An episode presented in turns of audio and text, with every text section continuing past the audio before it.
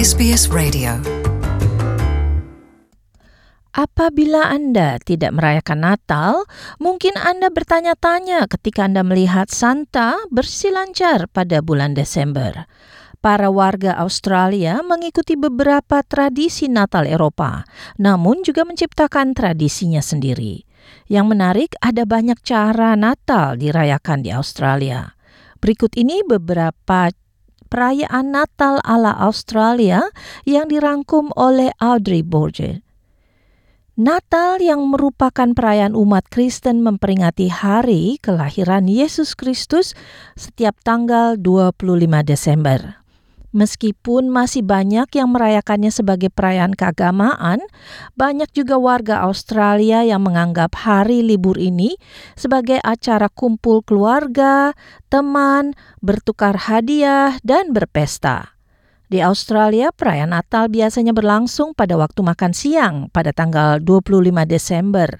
Bagi banyak orang seperti Luke Barbagalo yang berasal dari Brisbane, acara Natal hanyalah acara biasa.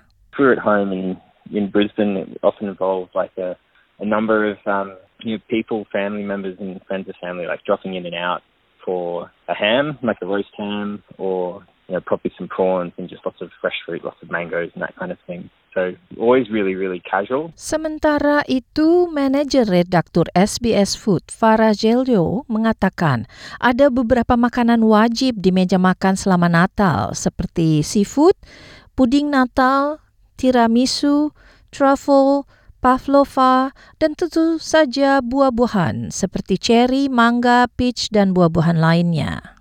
Things like Christmas ham, snacking boards, plenty of seafood, an abundance, I guess, of seafood platters, uh, Christmas puddings, tiramisu, trifle, pavlova, um, and then you also eat plenty of fresh fruit. So uh, obviously you'll think about cherries, mangoes, peaches, other stone fruits. Um, Meskipun begitu, ia sadar bahwa Australia telah menjadi negara multikultural, sehingga makanan di atas meja menjadi lebih beragam. You know, I would be open to having a, a Malaysian laksa on Christmas Day with like an abundance of seafood, all the way to an ice cream cake or um, even something like panettone. I would actually definitely do a panettone in like Serbia and in sort of more Balkan countries. They will do a seafood soup. So I would happily serve a seafood soup.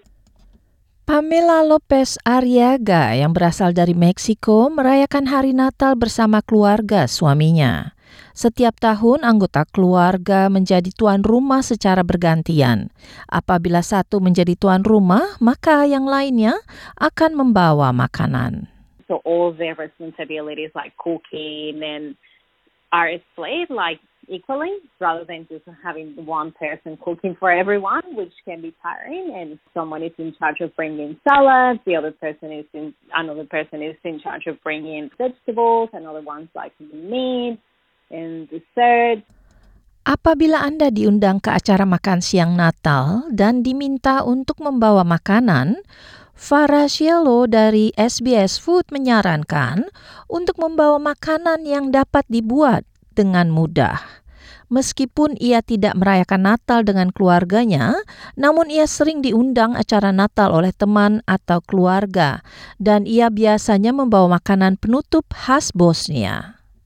I would always sort of spend Christmas Day with either my really good girlfriends and their families, so like their Greek families, their Italian families. So that was pretty um, amazing and full of feasting. I would always sort of bring a dessert. So for me, I would always make a typical kind of Bosnian dessert. I usually do like a jam shortbread, um, kind of like a scone-like shortbread, which um, is like basically like a scone dough, um, plum jam filled and then rolled in icing sugar. Karena Natal di Australia jatuh pada musim panas dan liburan sekolah, banyak warga Australia yang memanfaatkan cuaca panas di luar rumah. A Christmas day for me is getting up and going for a swim and being outdoors. Like for me, being near a beach, being in the park, getting some time outside is really, um, really fun on Christmas Day. And you'll find that, especially if you go to your local park, loads of people are having an outdoor Christmas. Hal ini yang dilakukan oleh Pamela Lopez Ariaga pada Natal tahun lalu.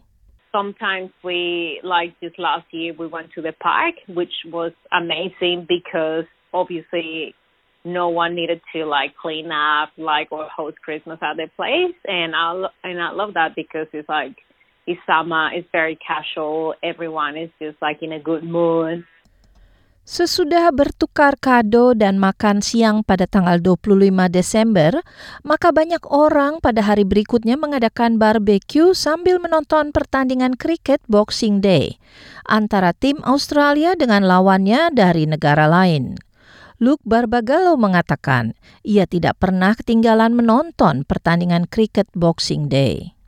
cricket really loomed large growing up, and because like growing up, you know, all through the nineties and early two thousands, like Australia had a really dominant cricket team, and so um, you know, Christmas always felt like a really celebratory time of year, and then you'd have the Boxing Day cricket test start, and there was always this sense of, you know, Australia's going to win and all that, and so you know there was a lot of um, yeah, just a lot of positivity around that.